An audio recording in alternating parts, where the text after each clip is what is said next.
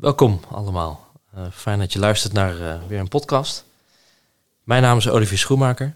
Um, en sinds mijn uh, master in Zweden over duurzaam, duurzaamheid in de ruimtelijke planning, um, ben ik daar eigenlijk gepassioneerd over aan het werken. En daarvoor wil ik vandaag het gesprek ook voeren.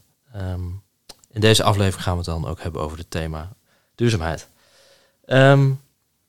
En daarover ga ik in gesprek met Gilbert Silvius. Hij is onder andere uh, lector en uh, de grondlegger van de Master Projectmanagement aan uh, de Hogeschool Utrecht. En ook zeker een expert op duurzaamheid in projectmanagement. En dat is een specifiek gebied volgens mij. dat klopt. Ja. Dankjewel. Dank voor de uitnodiging. Geen dank. Um, ja, we gaan het vandaag even hebben over duurzaamheid in projectmanagement. Um, breed, een breed begrip. Dat heb ik ook geleerd tijdens mijn master. Waar heb je het dan over? Um, ja, letterlijk uh, het, het, onderwerp waar, wat ik, waar ik heel erg uh, enthousiast over ben en waar ik uh, allerlei onderzoeken probeer te doen en eigenlijk inhoudelijk ook probeer te ontwikkelen, gaat over het integreren van de concepten van duurzaamheid in projectmanagement. En om dat heel simpel uit te drukken, het is projectmanagement met inachtneming van duurzaamheid. Juist. En je noemt het zelf al, hè? Bent er mee, aan het werken. Wat, wat, doe je er zo al mee? Nou ja, ik besteed veel van mijn tijd aan het, lesgeven en het doen van onderzoek op universiteiten en hogescholen. en een van die hogescholen is de Hogeschool Utrecht. Daar hebben wij een jaar of twaalf geleden een, een, een master ontwikkeld, master projectmanagement. En toen wij met die ontwikkelgroep om de tafel zaten, hadden wij op een moment wel het idee, als je nu een, een master projectmanagement ontwikkelt, dan moet het verder gaan dan zeg maar vertellen wat de standaarden voorschrijven. En, en alle bekende onderwerpen van projectmanagement. moet het echt wel een ander niveau hebben. Het moet ook een beetje een hart hebben en een boodschap. Uh, die boodschap zijn we uiteindelijk geland op duurzaamheid. En dat was vanuit de gedachte dat uh, de projectmanager van vandaag uh, zich niet meer kan beperken tot zeg maar, het, het managen van het team en de, de binnenkant van het project, maar steeds meer oog moet hebben voor de context van het project. En waar gaat die context naartoe? Nou, hopelijk naar duurzaamheid. Juist. En om even nog te beginnen met, met, met wat definities, want introductie duurzaamheid. Wat, wat versta jij daaronder? En ook in de koppeling naar projectmanagement? Ja, duurzaamheid, er zijn allerlei natuurlijk mooie definities uh, van. En, en uh, duurzame ontwikkeling, sustainable development uh, bijvoorbeeld. Maar eigenlijk, je, je, kunt een beetje op, op, van twee kanten denk ik aanvliegen. Eén is van misschien, misschien meer een systeemperspectief. Dat je zegt, we moeten op een dusdanige manier met de natuurlijke resources, natuurlijke hulpbronnen en met de planeet omgaan. Dat de mensheid ook voort kan bestaan. Dus duurzaamheid echt in de zin van het voortbestaan van de mensheid op planeet Aarde. En de tweede invalshoek die je kunt hebben, komt meer uit het sociale perspectief. En dan heeft het over het rekening houden met stakeholders, allerlei belanghebbenden. ook stakeholders die niet per se heel veel macht hebben. Ethische aspecten, uh, je zou kunnen zeggen dat komt meer uit, de CSR-hoek, de Social Responsibility-hoek. En ik denk dat die twee uh, hoeken, die twee perspectieven, komen beide terug in, in het, wat, wat zich nu aan het ontwikkelen is onder de noemer Sustainable Project Management, duurzaam projectmanagement. Ja, en, en de, de projectmanager vandaag de dag, die zou zich daar ook bezig mee moeten houden, wat jou betreft. Ja, dat vind ik wel. Uh, en dat is uh, enerzijds ingegeven door de waarneming dat steeds meer organisaties natuurlijk ook duurzaamheid en duurzaamheidsaspecten en bijvoorbeeld de Sustainable Development Goals, de SDG's, aan het integreren zijn in de strategie en daar ook bewuste ambities op formuleren en, en, en, en positie op innemen. Waarvan ik denk, denk, dan denk van, nou ja, dat gaat allerlei gevolgen hebben in die organisaties. Daar worden allerlei, uh, uh, komen allerlei veranderingen van. Want die, uh, die duurzaamheidsdoelen van organisaties die realiseren zich niet automatisch. Dus daar moet men echt wel wat voor doen. Ja. En veel van die veranderingen in organisaties zullen ook in projecten worden vormgegeven. Dus volgens mij helpt het jou als projectmanager als je daar een beetje kijk op hebt. Ja. dus dat is, dat is een hele eigenlijk nuchtere waarneming. Uh, wat je ook kunt waarnemen is dat de standaarden van projectmanagement, IPMA bijvoorbeeld, maar ook de ISO-standaarden en zelfs de laatste PMI, uh, Pimbok. die beschrijven ook wel iets over zeg maar, een, een een uh, perspectief uh, dat, dat iets van duurzaamheid zegt. Zeg maar, een maatschappelijk perspectief op ons werk. Dat is heel, heel nadrukkelijk leesbaar ook. Letterlijk zegt IPMA dat de projectmanager moet eigenlijk de duurzaamheidsaspecten van zijn project in kunnen schatten. Ja, en om even bij die organisatiestand te beginnen. Um, want uh, um, neem in deze podcast ook even jouw een van je boeken mee. Je hebt geschreven, duurzaamheid, duurzaam projectmanagement. Um, en daar, daar begin je volgens mij ook over uh, strategieën en visies die organisaties moeten hebben op duurzaamheid. Um, en wat, wat zijn daar volgens jou dan de, een beetje, ja, de belangrijkste elementen in? Wat, wat zou je en hoe ziet dat eruit? Ja, nou, ik, ik wil op zich niet, niet voorschrijven wat uh, organisaties zouden moeten doen. Maar uh, ik denk dat we kunnen waarnemen dat steeds meer organisaties hebben het over duurzaamheid in een strategie. Nou, daar kun je nog wel een beetje een onderscheid tussen maken, want je mag daar soms ook wel wat wantrouwend uh, naar kijken. Uh, er is natuurlijk ook wel het nodige uh, greenwashing. Hè. soms wordt duurzaamheid ook wat, wat mooier beschreven dan dat de werkelijkheid is. Maar er zijn genoeg organisaties die een actieve houding ten aanzien van duurzaamheid in een organisatie nemen. soms vanuit hele logische overwegingen. Uh, financiers willen dat meer en meer. Ik bedoel, we hoeven de berichtgeving van de laatste maanden maar. En dan zien we de discussie over ABP en Shell bijvoorbeeld. Uh, dus op het moment dat je aandeelhouders het gaan vragen. Uh, banken worden ook gedwongen meer en meer in hun investeringen. de manier waarop ze hun, hun geld uitzetten rekening te houden met duurzaamheid. Uh, je medewerkers gaan het vragen. Je opdrachtgevers gaan het grotendeels vragen. Want grote bedrijven zetten een beetje de toon. Maar die trekken daarmee natuurlijk hun supply chain ook mee. Dus uh, ja, of we daar reactief of, of actief of proactief uh, in zijn. organisaties kunnen het niet negeren. Nee. En de een is wat reactiever daarin dan de ander. ja, dat zal altijd zo zijn. En uiteindelijk zal de markt dan ook wel beslissen wie, wie gelijk heeft, zeg maar. Ja. Maar ik denk dat we. Ik, ik, zie in ieder geval op dit moment dat het. Het, het is een boardroom thema. Het is niet, een, niet meer een thema van actiegroepen die voor de poort staan te protesteren. Nee, dit is gewoon een boardroom thema. Is het ook iets van de laatste jaren dat het echt aan het groeien is? Of is dat al een, een trend van langere tijd? Dat wat echt. Nou, het duurzaamheidsthema heeft zich ontwikkeld van de actiegroepen, zeg maar in de jaren 60 en 70, naar eh, de Verenigde Naties en politiek thema. Uh, jaren, jaren 90 onder andere. Tot nu ook een boardroom thema. Dus het heeft zich nadrukkelijk ontwikkeld. Ja. Ja. En ik denk dat het nu, eh, als je ook naar bij spreken, de consumentenkant van de maatschappij kijkt, uh, dat het bewustzijn bij consumenten uh, dat duurzaamheid een overweging is, ook in de keuzes die wij als consument uh, maken dat wordt ook, krijgt ook meer en meer aandacht. Dat wil niet zeggen dat we altijd de juiste keuzes maken, maar het, het is wel een overweging. Ja. En als we dan kijken naar, naar, de, naar, een beetje naar de binnenkant van dat soort organisaties, ehm, die actief of, of reactief uh, met duurzaamheid aan de gang zijn. Um, nou, en er zijn projecten daar een mooie instrumenten voor. Um, ja, hoe zie, je, hoe zie je eigenlijk dan die relatie tussen de, de, de organisatie die met duurzaamheid iets wil. En uh, ja, die projecten die dan uitgevoerd gaan worden. Is, is dat. Nou, een mooi voorbeeld uh, zijn zeg maar, organisaties als Unilever en uh, Lego en, en IKEA. En zo zijn er heel veel. Dat zijn natuurlijk organisaties die niet direct alles goed doen. dat zou ook niet mogelijk zijn, denk ik. Maar, en dat uh, we, zijn we de Rotterdamse uh, auteurs, Rob Tilburg, Rob van Tilburg, die dat heel mooi beschrijven. Die eigenlijk de ontwikkeling van organisaties naar meer duurzaamheid. Ze noemen dat de Sustainable Enterprise. Zij benadrukken daar de transitie waar een organisatie doorheen gaat. Want op het moment dat je duurzaamheid zeg maar ook als, als kans gaat zien en als, of als verantwoordelijkheid gaat zien, dan beïnvloedt dat je bedrijfsprocessen, je partners, je producten, je diensten, je innovatie, je beloningssystemen, je informatiesystemen. Want je moet op een moment ook impact gaan registreren. Dus niet alleen maar financiële parameters, maar ook andere informatie. Ja. Eigenlijk beïnvloedt het alle bedrijfsfuncties. Uh, en daar zijn, zijn dus eh, vaak projecten voor nodig om die veranderingen in de organisatie te realiseren.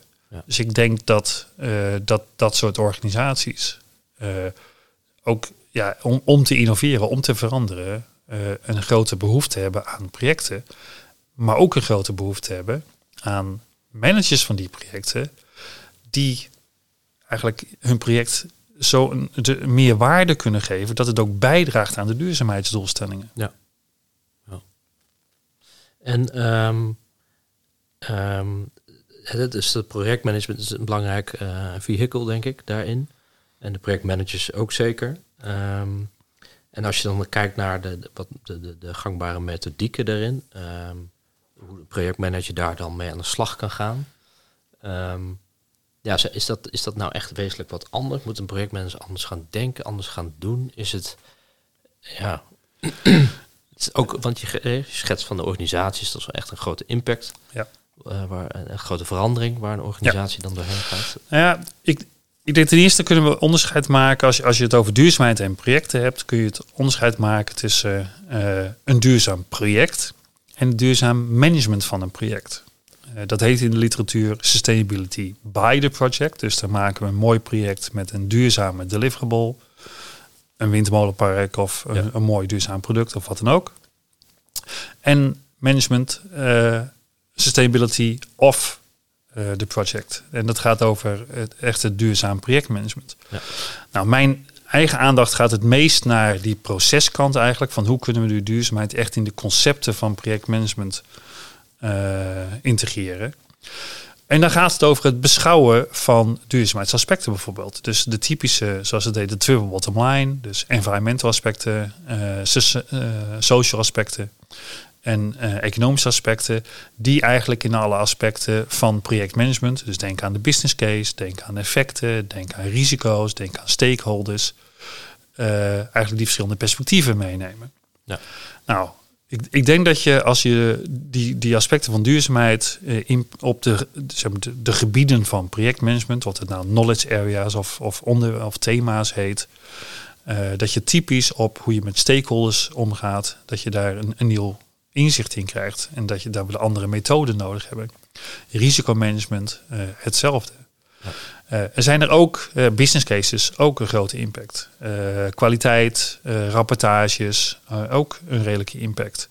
Er zijn misschien ook een paar gebieden waar het minder impact heeft. Scheduling bijvoorbeeld is wat lastiger. Dat zien we ook in de literatuur nauwelijks belicht worden. Wat lastiger om te bedenken wat ze duurzaamheid ervoor betekenen. Maar die gebieden die ik zojuist noemde, heel duidelijk. En daar, wordt, eh, daar is ook al veel in ontwikkeld, hoe je dat zou moeten doen. Hey, en ehm, de, de, de projectmanager zelf, ehm, die is natuurlijk, eh, eh, die, de meeste projectmanagers die zijn niet de, de, sustainable by projectmanagement nou ja, Ja. way of doing, zeg maar, gewend. Ehm, vraagt het ook echt wel een andere competentie van de projectmanager om Ik, ik denk dat het in eerste instantie eh, een, een wat andere houding vergt. In eerste instantie dat je, laat zeggen, eh, dat je ook verantwoordelijkheid neemt voor de, zeg maar, het, het feit dat jouw project ook een rol speelt in duurzaamheid van de organisatie en daarmee duurzaamheid van de maatschappij. Dus eh, dat je, dat je die, jouw eigen persoonlijke rol er ook in ziet. Op het moment dat je dat ziet, blijkt uit ons onderzoek dat het merendeel van de projectmanagers ook eh, welwillend is om duurzaamheidsaspecten dan ook mee te nemen in projectmanagement. Maar natuurlijk ook in een context zit met een opdrachtgever en met een opdracht eh, en met een bepaalde manier waarop je natuurlijk geëvalueerd wordt en afgerekend wordt in een project, die daar ook niet altijd in ondersteunt. En vaak ook niet weet hoe het te doen. Hè, wat betekent het nu? Eh, ik denk dat we naar de projectmanager moeten kijken om op bepaalde momenten in het, project, in het projectmanagementproces eh, te zorgen dat duurzaamheid aandacht krijgt. Wat die aandacht dan zeg maar, voor de deliverable betekent, of wat de inhoudelijke aspecten van duurzaamheid voor een bepaald project betekent, ja, dat is natuurlijk afhankelijk van het project. Ja. En of voor een bepaald stukje van de deliverable ik beter met beton kan werken of met staal. Ja. Ja, die inhoudelijke expertise zou ik niet bij de projectmanager verwachten. Ik zou bij de projectmanager verwachten dat je op het juiste moment zeg maar, de vinger in de lucht kan steken en zeggen van wacht, eh, even allemaal. Nu moeten we even stilstaan bij de duurzaamheidsaspecten van dit stukje van het project. Ja. Vervolgens zou die projectmanager moeten kunnen aankloppen bij de, de duurzaamheidsexpert in de organisatie. En zeggen van, goh, in mijn project loop ik nu tegen deze situatie aan. Dit, dit stukje van deliverable heb ik optie A om het uit te voeren of optie B. Of optie A om het te bouwen of optie B om het te bouwen. Help jij mij nou om uit te vinden wat is de beste optie? Maar dat betekent dat zeg maar, dus de duurzaamheidsexperts die de inhoudelijke expertise zouden moeten hebben in organisaties over wat zijn duurzame oplossingen. Ja. En de projectmanagers die aan het roer staan bij veranderingen in de organisatie. Ja, die moeten elkaar vinden. En, En zitten daar ook nodig. dilemma's in, nog eh, vandaag de dag, dat, dat dan de doelen van een projectmanager haak staan op wat een organisatie misschien wil op gebied van duurzaamheid. Dus dat kom ik niet zoveel tegen. Dat, dat kom je natuurlijk wel tegen op het moment dat je in een typische contract eh, eh, opdrachtgeverssituatie zit. Ja. Dan zou je dat eh, kunnen hebben, want dan heb je met meerdere duurzaamheidsdoelen te maken. Maar we spreken de, de projectmanager die, die binnen een organisatie aan het werk is. die, die begrijpt iets. Die begrijpt vaak dat het project moet aansluiten bij strategie. Dus op het moment dat we nu maar de link kunnen maken tussen het project en de duurzaamheidsstrategie van de organisatie, dan begrijpt de projectmanager dat daarmee het project ook meer waarde krijgt. En dan, dan zie ik daar niet een, eh, zeg maar een soort eh, conflict van belangen eh, in. Eh, natuurlijk, eh, er is een beetje inzicht nodig, is ook wat kennis nodig. eh, want we kunnen niet direct van een projectmanager verwachten. Hè, de, de prachtige, hoe de ICB 4 dat beschrijft, dat een projectmanager de duurzaamheidsaspecten van zijn project moet kunnen beschouwen. Maar ja, die kan dat helemaal niet. Waarschijnlijk. Nee. Dus er zit ook een cognitief stukje in. Dus eh, ik had het juist over de houding, hè, dat we een bepaalde verantwoordelijkheid nemen. Maar ook een cognitief stukje, stukje kennis. eh, dat een projectmanager moet eigenlijk beter op de hoogte zijn van wat zijn ook de duurzaamheidsdoelen van de organisatie. Eh, we zien ook letterlijk organisaties die hun projectmanagers trainen op het gebied van duurzaamheid. En dat is nog niet allemaal helemaal hapklaar en, en, en uitgewerkt.